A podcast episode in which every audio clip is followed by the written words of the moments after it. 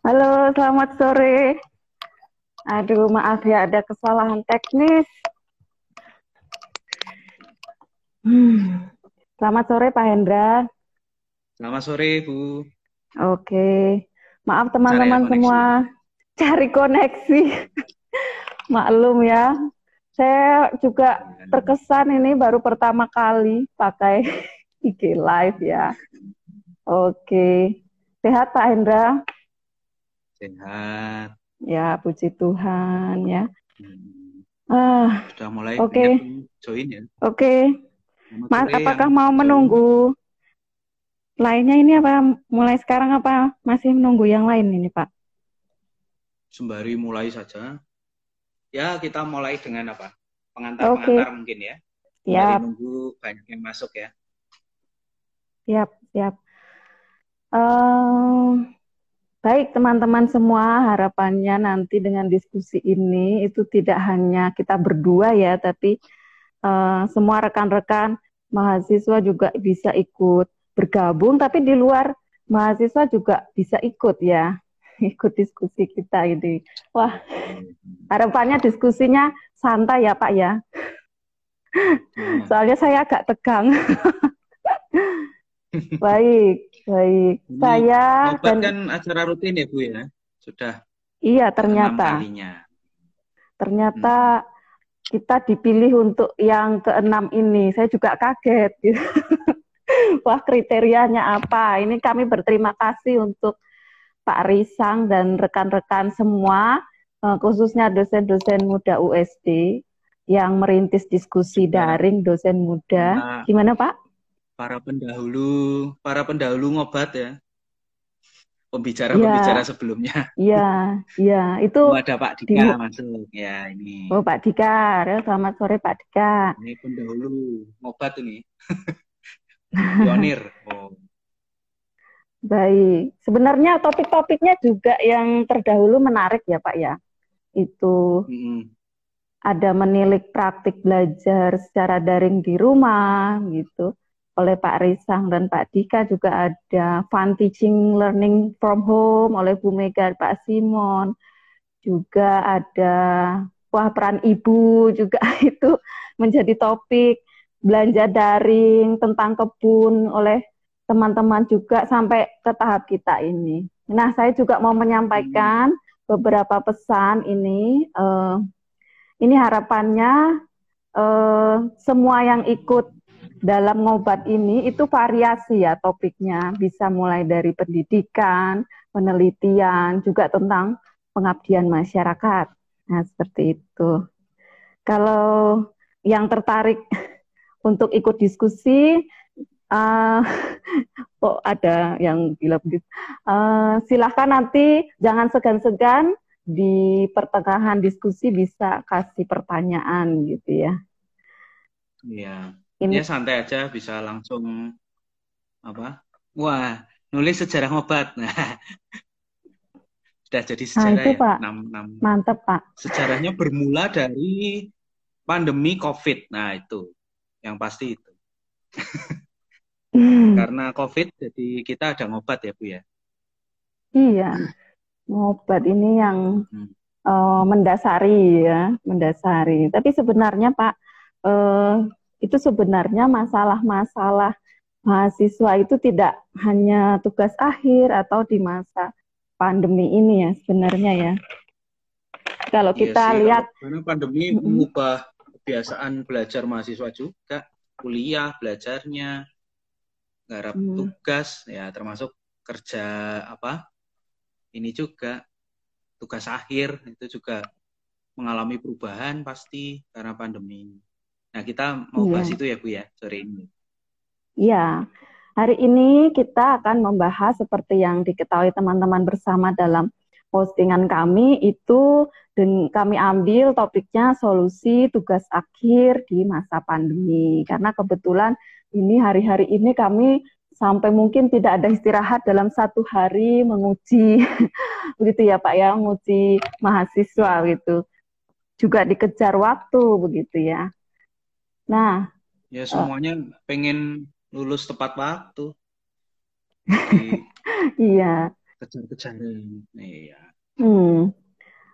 Ternyata uh, kalau bisa kita lihat itu Pak, kalau saya lihat dari penelitian lain itu kemarin ada yang dikirim oleh salah satu mahasiswa ya, tapi Niko di sini juga ikut bergabung itu uh, ada apa ya istilahnya depresi. Ya mahasiswa itu juga mengalami depresi selama pandemi ini. Misalnya kesulitan untuk mengerjakan tugas kesulitan ekonomi juga gitu ya melihat semua itu. Bahkan kesulitan untuk memulai uh, pembelajaran jarak jauh ini. Nah hmm. dengan situasi seperti ini kan sepertinya untuk tugas akhir, apalagi tugas akhir itu uh, hampir mustahil gitu ya, apalagi penelitian itu di lapangan gitu.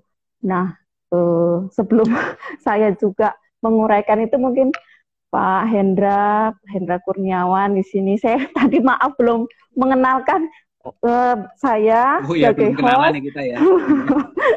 Brigida Intan Perintina dan sebagai narasumber itu Pak Hendra Kurniawan. Kami sama-sama dari Prodi Pendidikan Sejarah.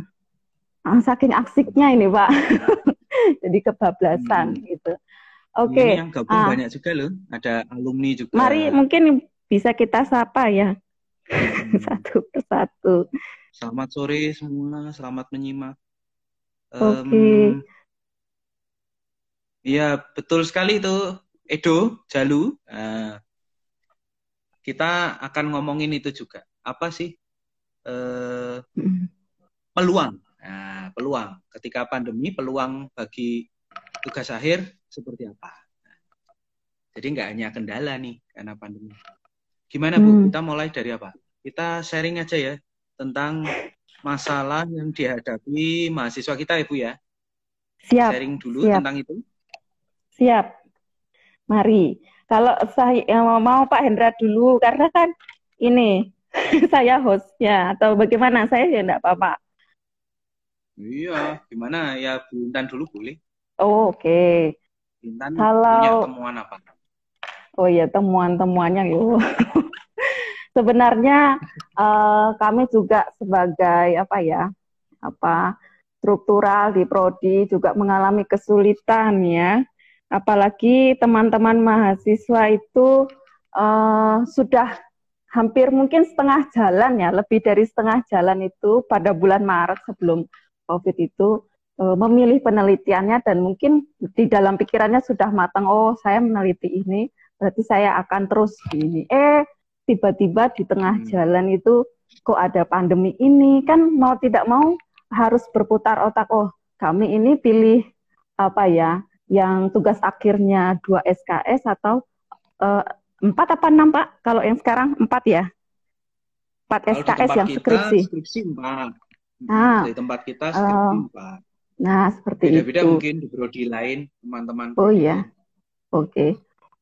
Uh, sebenarnya itu yang jadi uh, kendala mau milih yang dua SKS atau empat SKS segala daya kan sudah diusahakan misalnya dengan merubah jenis penelitiannya, misalnya juga merubah SKS-nya juga, tapi ternyata itu belum apa ya, sudah direspon tapi ada jalan lain oleh rektorat bahwa oh tidak usah mengubah apa ya istilah SKS tapi ubah saja jenis penelitiannya begitu. Iya. Maka ya mau tidak mau kan harus uh, berputar atau oh ini studi-studi misalnya studi literatur belum pernah diteliti oleh mahasiswa kita ternyata harus diuji cobakan oleh beberapa mahasiswa yang kemudian menemukan masalah tugas akhir di masa pandemi ini. Nah, tapi untungnya ada beberapa yang bisa melampaui itu semua dengan tekad dan kuat itu. Itu yang pertama kalau temuan saya jadi termasuk pengalaman ini. Tapi uh, untuk tahun-tahun sebelumnya itu uh, kendala seperti ini belum terpikirkan ya Pak, belum terpikirkan. Hmm, iya. Jadi bisa jadi pengalaman. Nah itu kalau kalau saya sih Pak. Kalau Pak Indra bagaimana? Ya nyapa Pak Damai dulu itu Pak Damai nyimak. Oh iya. Ya. Selamat sore. Selamat sore Pak Damai. Yeah. Oh ya, Pak. Ya. Oke. Selamat sore, Pak Aryono.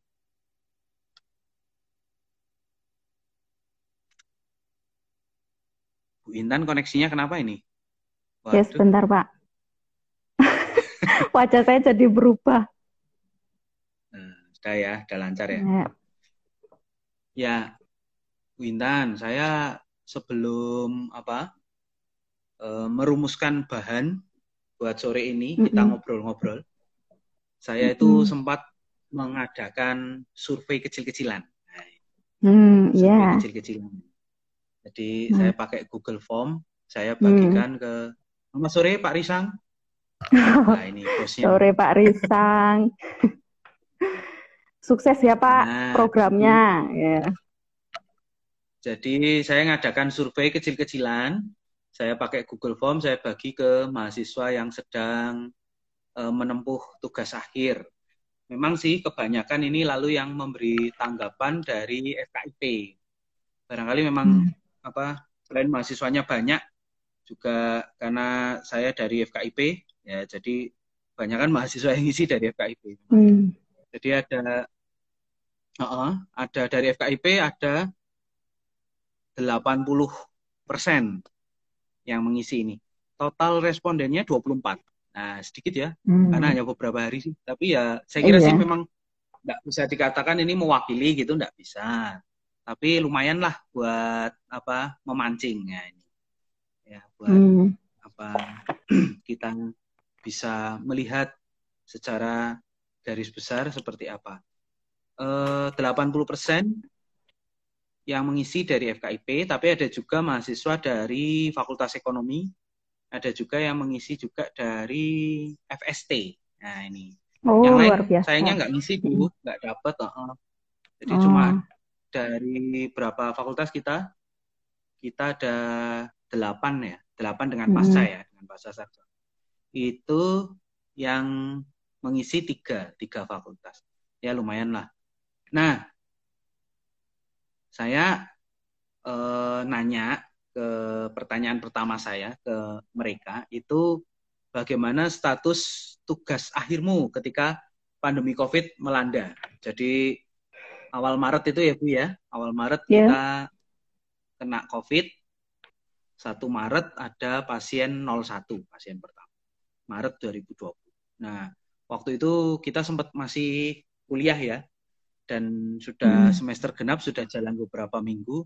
Tapi terus di pertengahan Maret kita ini ya, apa libur uh, belajar di rumah Nah, waktu itu saya tanya, uh, saya tanyakan waktu waktu apa pandemi itu melanda, ternyata 50% mahasiswa uh, yang menjadi responden ini ada 50% sedang mengerjakan tugas akhirnya. Jadi hmm. ada 50% sedang mengerjakan tugas akhirnya. Kemudian ini menarik juga, data menarik, 45% itu hampir menyelesaikan tugas akhir, Bu. Jadi di bulan Maret hmm. itu mereka hampir menyelesaikan tugas akhir. Itu sekitar 45 persen. Nah, sisanya baru memulai, jadi baru proposal. Gitu. Ini, tapi prinsipnya di bulan Maret itu, terutama mereka berarti semester 8 ini ya, kalau kita lihat, kan pasti kemungkinan besar mereka semester 8 atau di atas semester 8. Tapi saya mengira ini yeah. semester 8. Mereka di bulan Maret ini sudah mulai mengerjakan tugas akhirnya. Bahkan ada yang sudah hampir selesai. Nah, lalu pertanyaan kedua, apa perasaan yang dominan? Nah, ini perasaan yang dominan terkait dengan tugas akhir di saat pandemi. Nah, ini. Ternyata menarik loh ini, Bu. Meskipun uh, ada apa? Tadi Bu Intan menyampaikan itu ya, ada ada dimungkinkan mahasiswa mengalami stres, mengalami hmm. apa dilema gitu. Uh, yeah. Jadi secara mental down gitu. Tapi ternyata kalau 24 orang responden ini yang saya dapatkan itu 50 persennya menyatakan tetap optimis. Nah, tetap optimis bisa menyelesaikan tugas akhirnya kendati pandemi tengah melanda. Nah, ini. Hmm. Jadi tetap optimis ya. Ini nampaknya memang tugas akhir itu luar biasa ya bagi mereka ya. Jadi memang itu apa gongnya dalam studi sih. Jadi mereka tetap semangat perjuangkan gitu ya.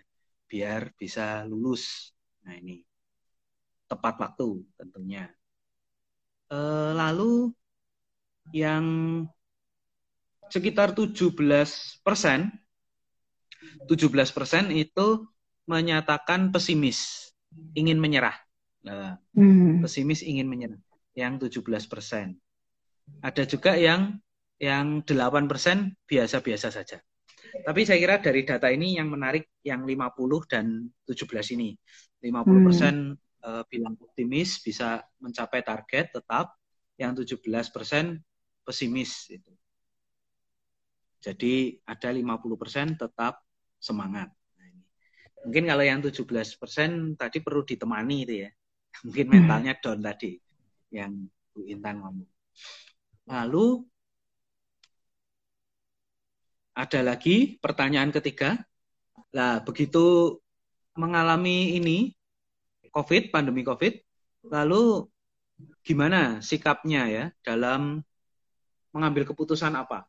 Nah, menyikapi tugas akhir Eh, ketika pandemi COVID ini? Apa mau terus kerja atau sudah ditinggal begitu, males atau gimana gitu? Hmm. Nah, itu ada ternyata juga. Ya.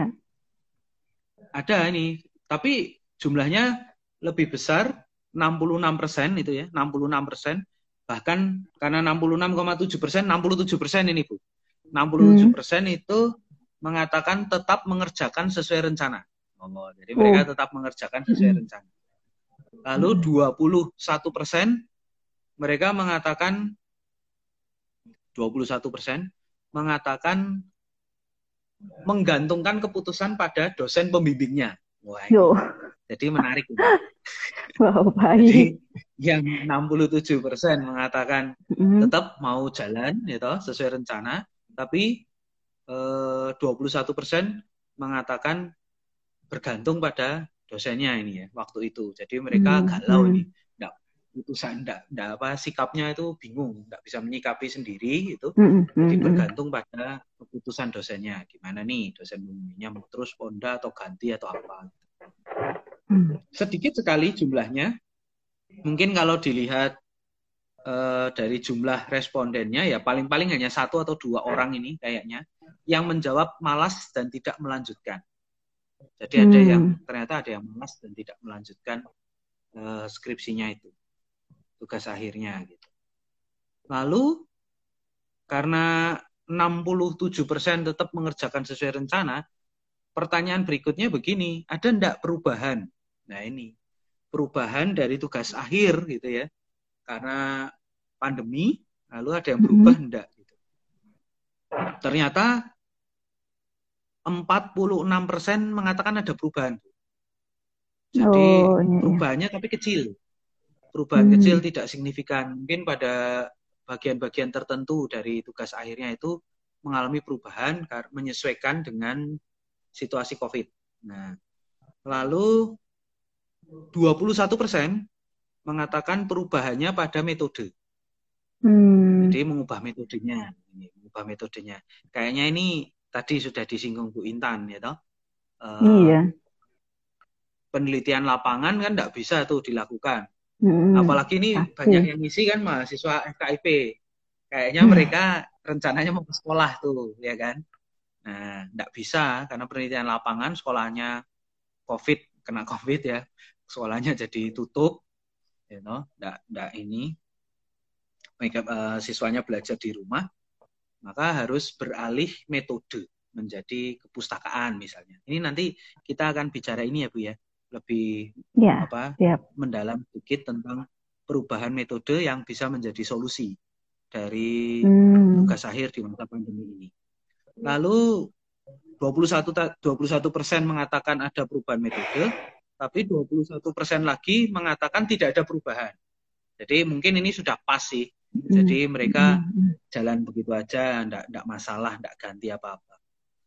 Tapi ada 12 persen, Bu, yang mengatakan perubahan di banyak hal. Wah ini mungkin okay. total apa ya? Jadi 12 persen mm. nih. 12 persen kalau dari 24, nah, berapa orang itu kali? Ya. nah, eh, saya kira soal perubahan ini kemudian menjadi kendala ya Bu ya. Kan kita juga mengalami tuh di body eh, kemarin. Iya.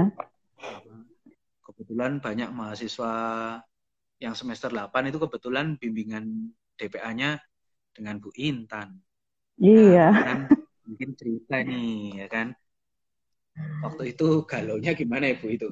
Waktu uh, apa? Kemudian kena pandemi, wah harus mengubah metode.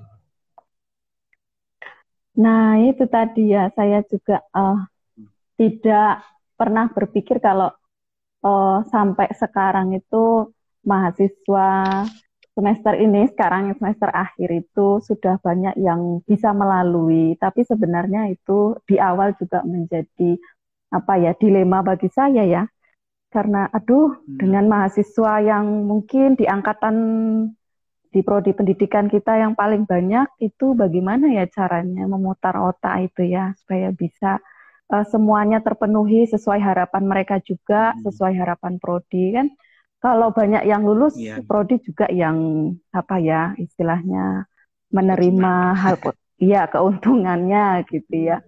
Uh, nah, terutama untuk mahasiswa juga ini sebenarnya kalau bisa menyelesaikan tepat waktu kan pasti itu harapan semuanya ya Pak, harapan semuanya. Hmm. Saya pikir uh, semua itu di awal semester kemarin itu sudah punya konsep ya. Oh, saya mau menyusun ini mungkin juga harapannya uh, pembimbing tugas akhirnya ini. Nah, seperti itu. Tapi ternyata uh, tidak semua sesuai harapan. Dan yang sesuai hmm. harapan ini mungkin kemudian mengejar target. Oh, uh, saya harus kejar ini target saya. Mumpung pembimbingnya itu sesuai. Nah, itu kalau yang sesuai. Sesuai harapan.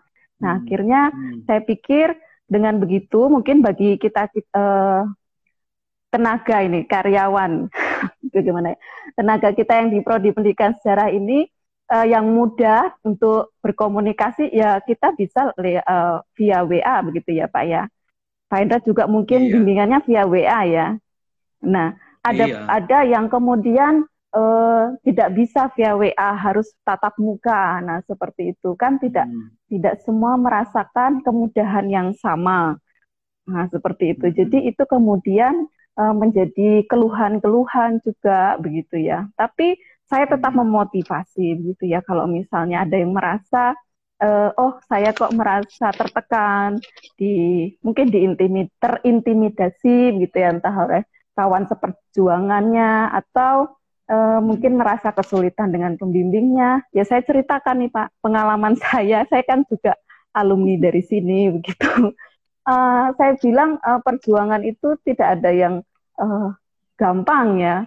Dulu saya juga mengalami hal yang sama dan mau ujian itu ya mepet-mepet. Bahkan oleh karena sesuatu pembimbing saya pun tidak bisa menguji saya. Dan di hari H saat ujian pun uh, saya harus menangis karena tidak jadi ujian. Nah, maka dari itu hmm. itu juga mungkin salah satu dari kecil ya motivasi yang bisa saya berikan untuk mereka dan juga mungkin pilihan hmm. ini Pak saya nggak tahu mungkin ada yang berpikiran atau punya konsep yang berbeda misalnya uh, oh kalau konsep saya itu target itu adalah pilihan mau sesuai target atau tidak itu tergantung usaha niat dan juga doa kalau saya dulu itu uh, melakukan itu semua ya, termasuk usaha, niat, doa, dan juga nekat pak.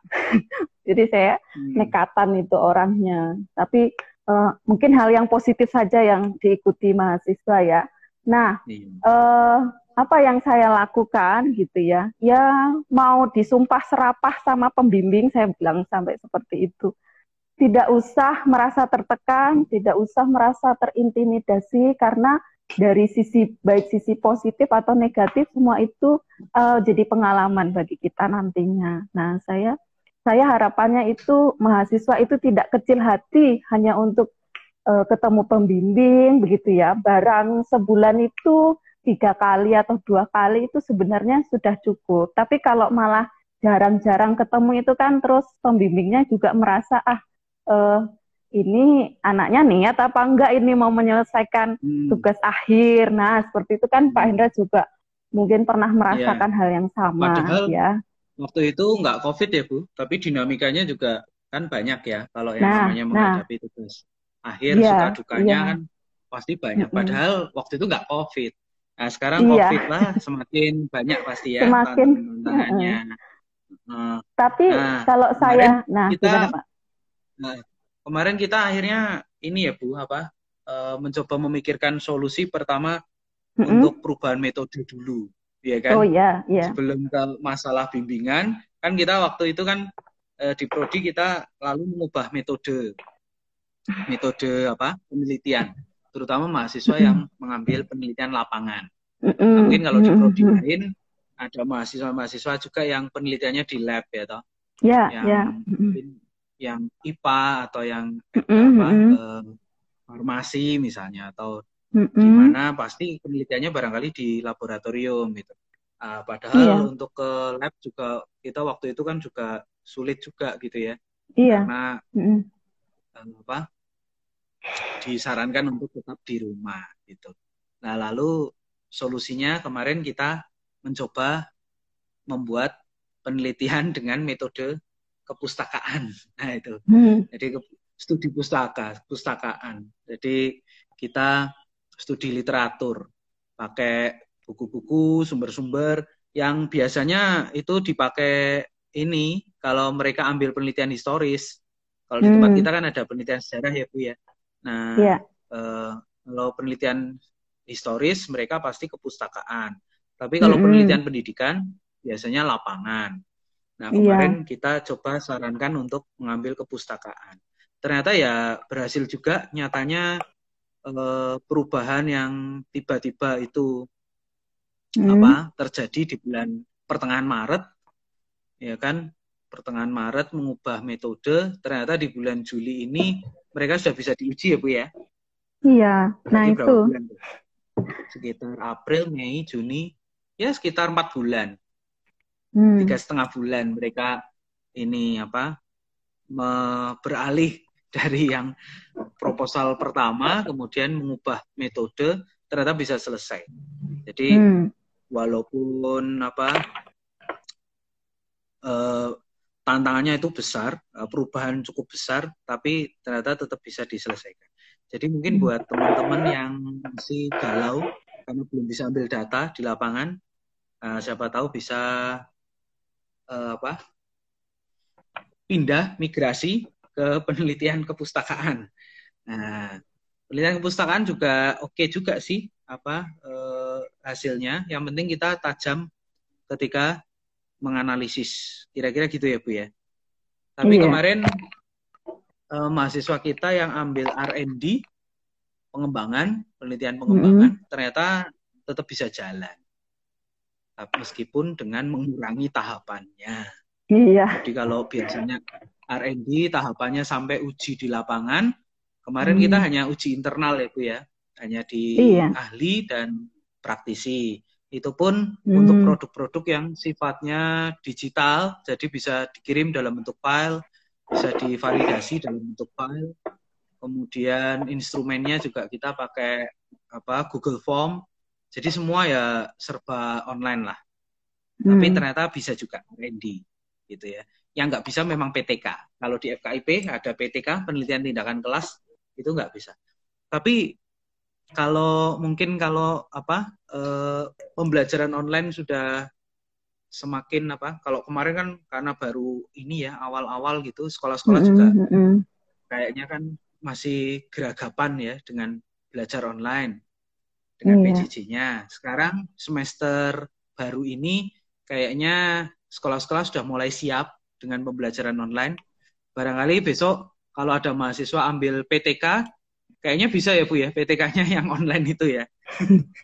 Pastinya bisa, tapi mungkin PTK tapi dalam kelas online gitu. Iya. Mungkin bisa loh. Yeah. Kalau keaktifannya itu yang Pak siap. yang sulit. Iya, hmm? mengukur iya. keaktifannya yeah. yang sulit gimana? Oh ya. Justru mungkin mau meningkatkan keaktifan ya.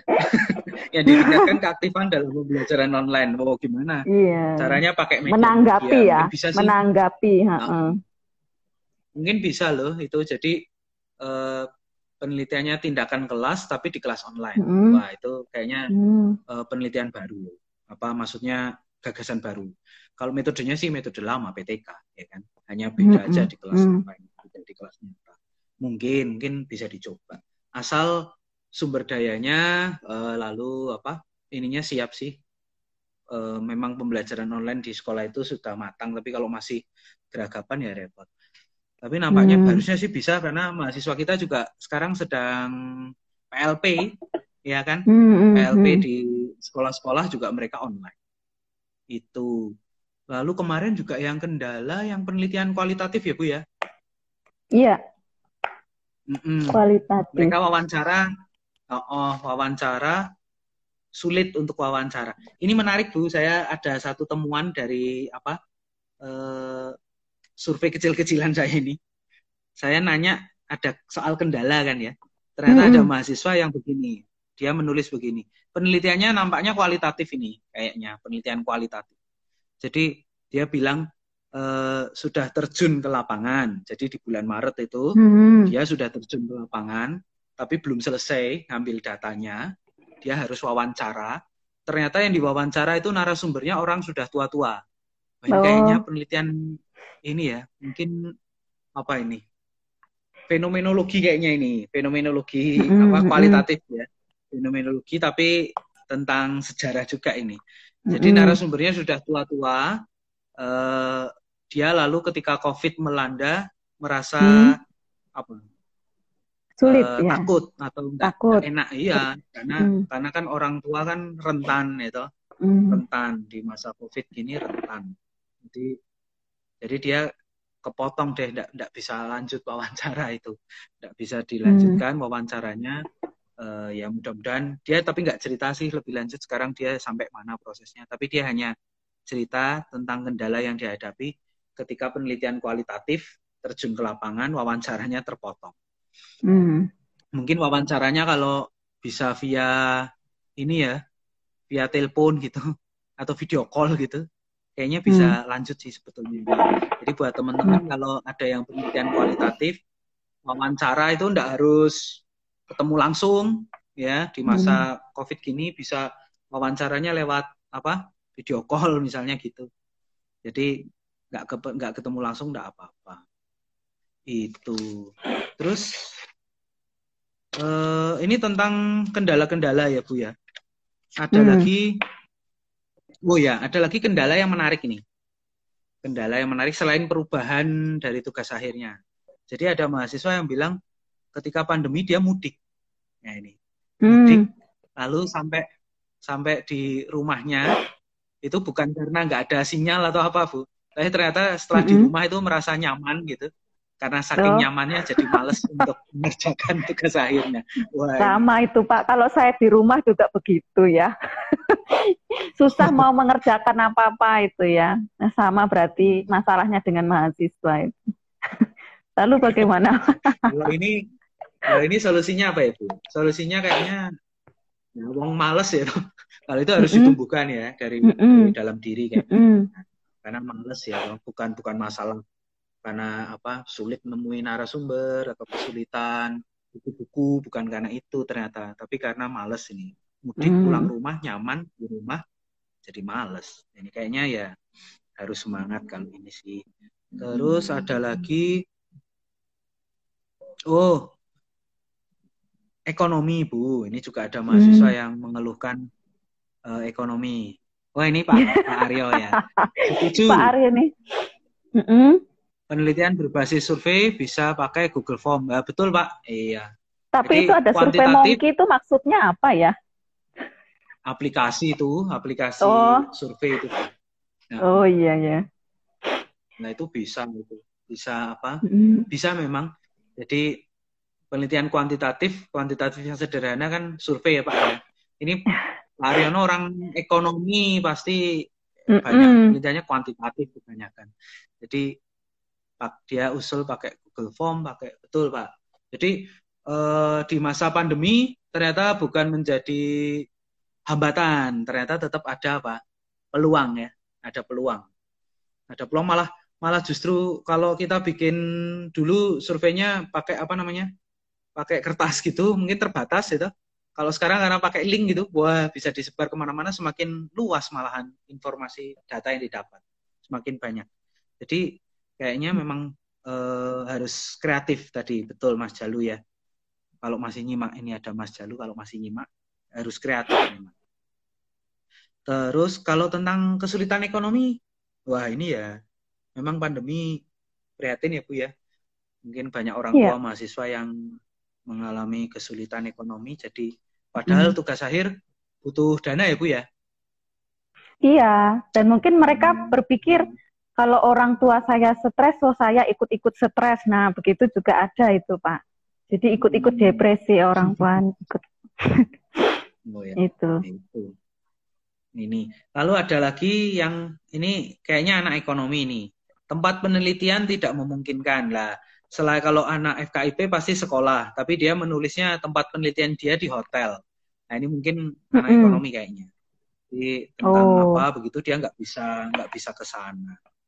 Ini dia pandai-pandai dengan dengan menggunakan apa mm. aplikasi-aplikasi itu. Terus sekarang kita ke bimbingan Bu. Wah, oh ya. Kita masih ada waktu 20 menit ya kira-kira ya Bu ya. Ya. Sembari nanti kalau ada pertanyaan-pertanyaan boleh lu teman-teman yang mau bertanya menanggapi. Iya. Uh, untuk apa ini bimbingan. Nah tentang bimbingan, proses bimbingan. Saya juga bertanya ke mahasiswa ini hmm. di survei kecil-kecilan saya. Ini survei kecil-kecilan tapi mudah-mudahan tidak abal-abal mudah-mudahan karena respondennya dikit. tapi, tapi lumayan, lumayan rajin ya, Pak Hendra melakukan survei rajin sekali setiap saat mengumpulkan data itu bisa untuk penelitian ya. juga loh Pak. Iya. Ini hanya 24 orang loh. Nggak, nggak oh. mewakili kayaknya. Jadi eh, saya tanya tentang proses bimbingan tugas akhir yang dialami ketika pandemi COVID. Ternyata 37,5 persen, ya 38 persen lah, 38 persen itu menjawab online dengan beberapa kali tatap muka. Jadi nggak online hmm. full bu, ternyata mm -hmm. mayoritas tetap online dan ada tatap muka beberapa. Hanya lalu dua, di bawahnya 25 persen, di bawahnya 25 persen itu mengatakan online saja. Hmm. Jadi ada mahasiswa kita yang dia hanya online. Bimbingan tugas harian benar-benar full online dia. Lalu hmm. ada yang 17 persen tatap muka seperti biasa tapi dengan protokol kesehatan. Hmm. Nah, ini kebalikannya tadi 25% online full, ini 17% hmm. tatap muka. Hmm. 17% tatap muka. Tapi kalau saya simpulkan dari jawaban mereka ini, saya bisa menyimpulkan 63% itu menggunakan moda online. Jadi hmm. 63% mereka eh, bimbingan, proses bimbingan yang terjadi itu memang online. Hanya ada yang online full, ada yang apa dia blended ya blended ada online tapi hmm. ada tatap mukanya saya oh. kira kita sendiri juga gitu ya bu ya kita yeah, juga blended. di mm uh, uh, online juga nanti di saat-saat akhir mereka kira-kira sudah mulai siap untuk diuji mereka kita undang untuk ketemu di kampus mm -hmm. supaya mantep nah supaya naskahnya mm -hmm. mantep nah, jadi nggak nggak nggak full online semua tapi saya kira mayoritas memang sudah menggunakan bimbingan secara online. Hmm. Nah, perasaannya gimana ketika bimbingan online ini? Ketika proses bimbingan berubah tidak kayak biasanya. Ternyata 50% tetap antusias, Bu.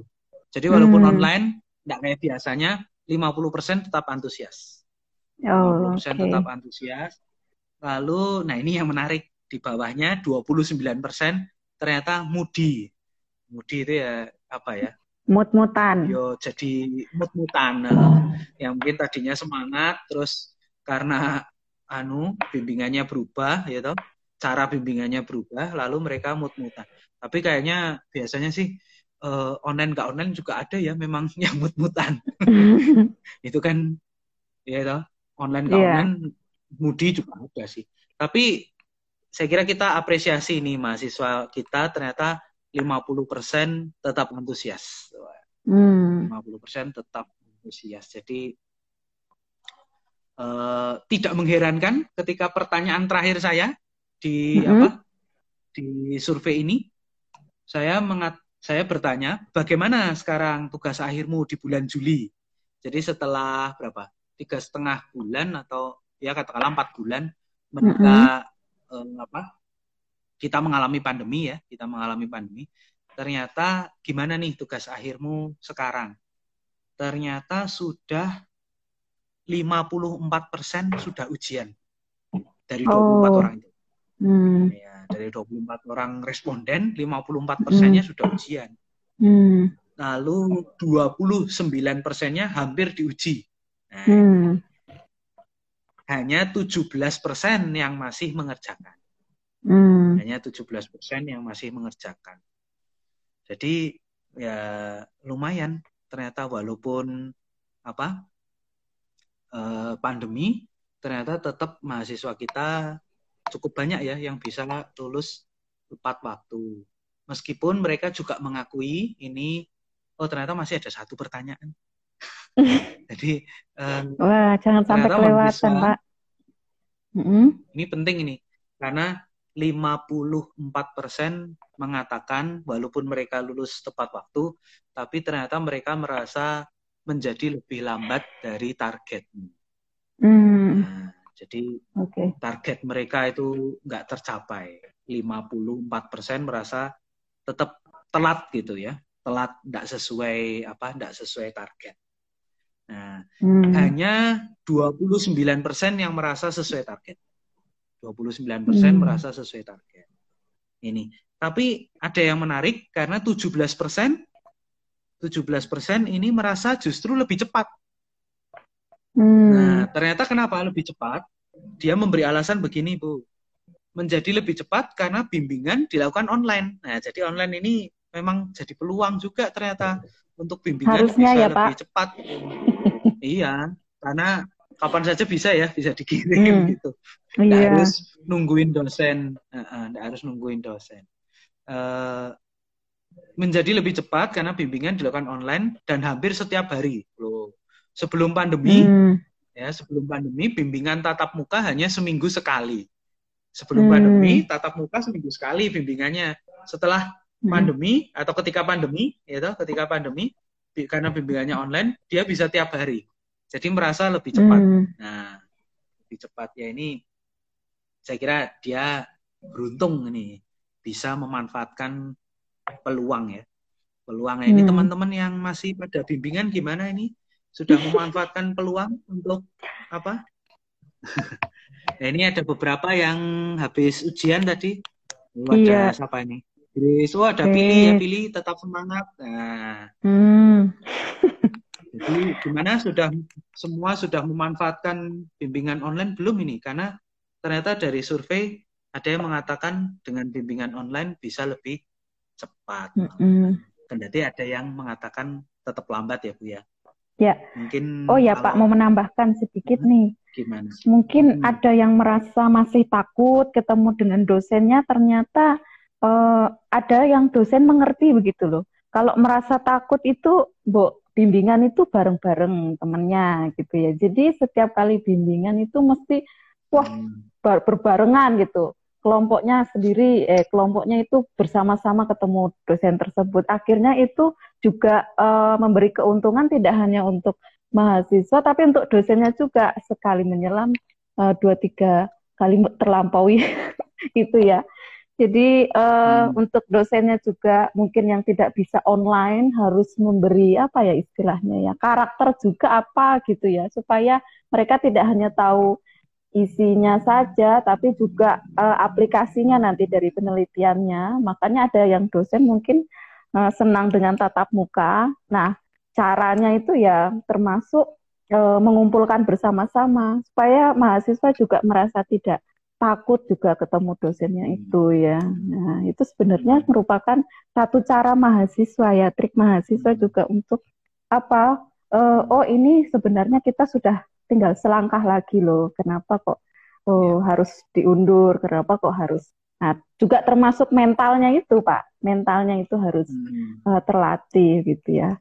Tapi juga begini, Pak. Mungkin ya, tapi saya nggak tahu hanya uh, terlihat hmm. dari luar saja. Ketika ada satu teman yang memulai, oh ada ujian gitu ya. Ada teman yang sudah memulai kata istilah-istilah anak sekarang pecah telur itu ya.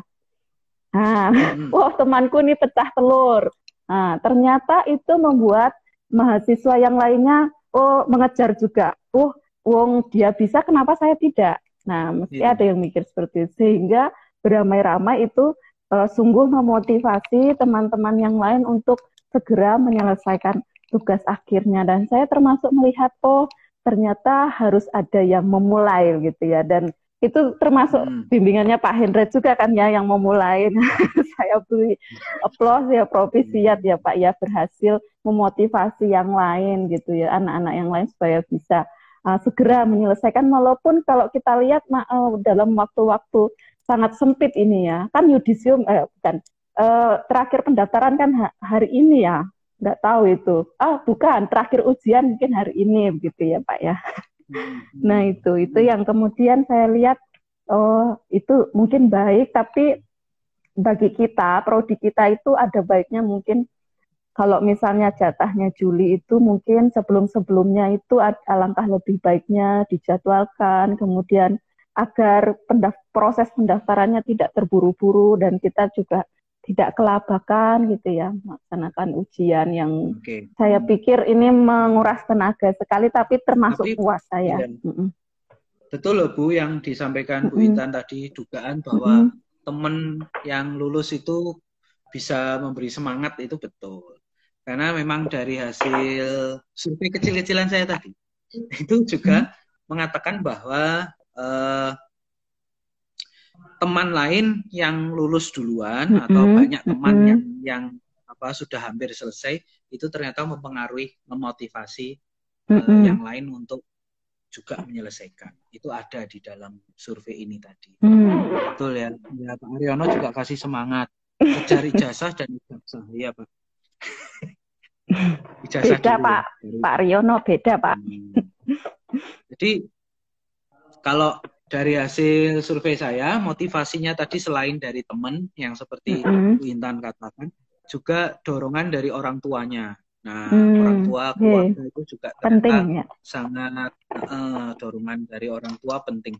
Maka teman-teman yang belum selesai, ya uh, barangkali kan sekarang ketika apa pandemi gini lebih banyak di rumah ya daripada main-main gitu, atau hmm. lebih banyak di kos, jadi waktunya lebih mudah juga untuk sekarang kan dengan teknologi video call dengan orang tua dengan keluarga juga mudah. Uh, minta selalu support dari keluarga itu penting. Nah support juga datang dari dosen pembimbing. Ya ini menurut para mahasiswa katanya support penting juga dari dosen pembimbing. Karena mereka ada yang cerita dosen pembimbingnya selalu memberi motivasi. Nah itu membuat dia apa mm. semangat nah membuat dia semangat mm-hmm. dosennya justru dosennya yang apa yang terus ngompori mm. mungkin dianya sudah mulai agak lelah tapi dosennya ngompori mm. lagi dosennya luar biasa ini sebenarnya yang tugas akhir dosennya apa mahasiswanya ya pak ya tapi dosennya selalu ngompori ya ini dosen dan mm-hmm. memang gitu selalu semangat selalu semangat akhirnya yeah. mahasiswanya juga ikut optimis uh, tetap bisa selesai tepat waktu Lalu ada juga yang termotivasi karena ingin cepat kerja. Wah, ingin hmm. cepat kerja. Padahal di pandemi ini nyari kerja agak susahnya itu ya. iya. Tapi kalau untuk tetap jurusan kita saya kira diperlukan, Pak. Ya. Iya, tetap ada peluang. Tetap hmm. ada peluang. Tapi ada juga yang satu mahasiswa mengatakan dia nggak optimis, oh. dia malah pesimis dengan dengan hmm. tugas akhirnya uh, pesimis selalu alasannya apa ya alasannya covid yang jadi alasan covid jadi alasan oh. covid covid membuat males lalu jadi alasan tidak mm -hmm. ketemu nah ini mm -hmm.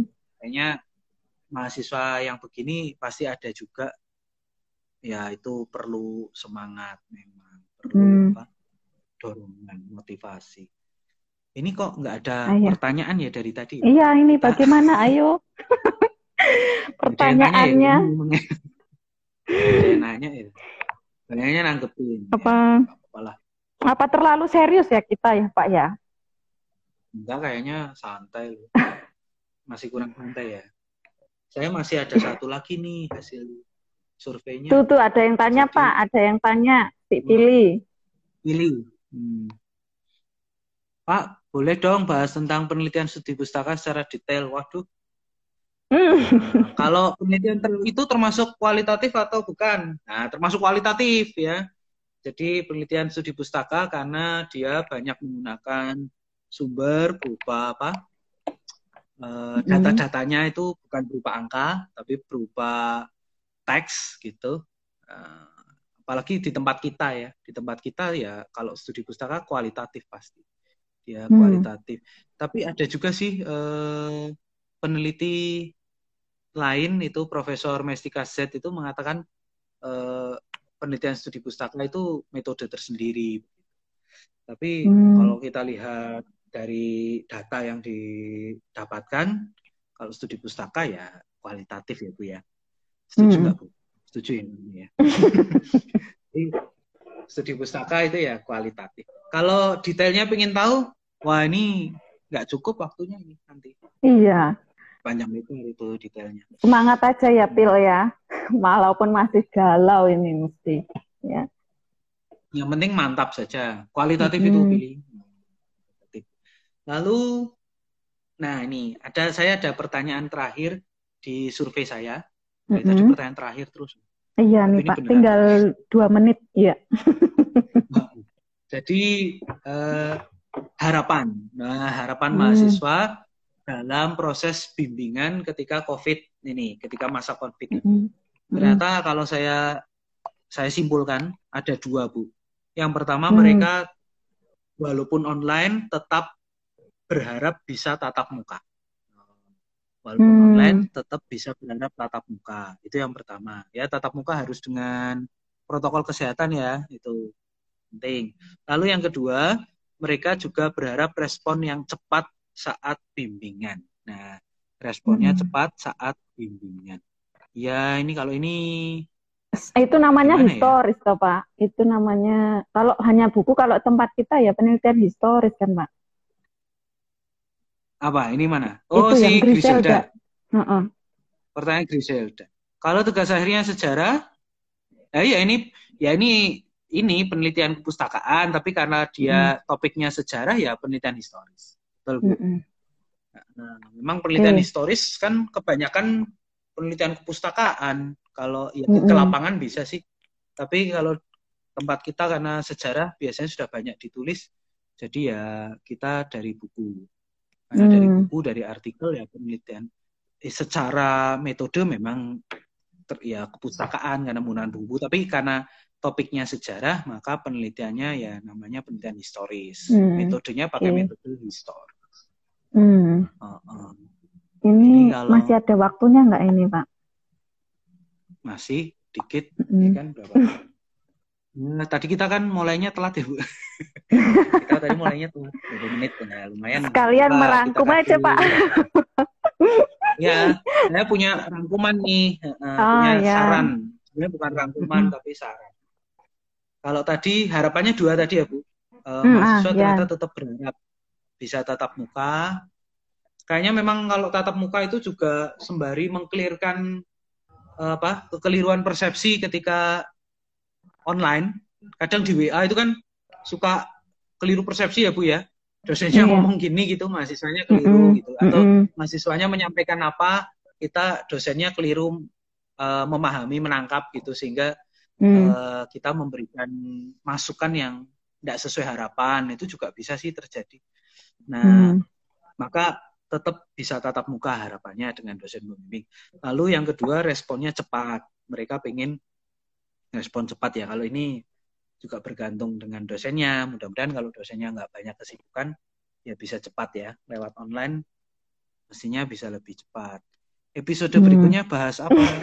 Wah, uh, cek, ini. saya lupa ini uh, ada pesan selalu cek IG kita mungkin ya untuk sesi episode oh, berikutnya iya. kalau mau uh, mau ikut ini terus. Saya nggak tahu ini dua minggu apa, sekali. Hah? IG-nya ngobat ya? Ngobat, ngobat. ngobat. Tempat kita nah, juga ngobat. bisa nanti kita sharekan juga untuk yang episode berikutnya ya Pak ya. Ngobat pakai D belakangnya. Iya. Nah, apakah kualitatif bisa untuk makalah? Oh ya di pendidikan sejarah ada makalah ya, kualitatif bisa. Pernah ada kok yang ambil apa? Uh, ini makalah tapi kualitatif ke pendidikan. Hmm. Terakhir, terakhir dari saya Bu ya. Nanti sebelum ditutup Bu Intan. Nah, oh, ini baik, ada Pak. ada empat saran nah, hmm. atau pesan pesan dari saya.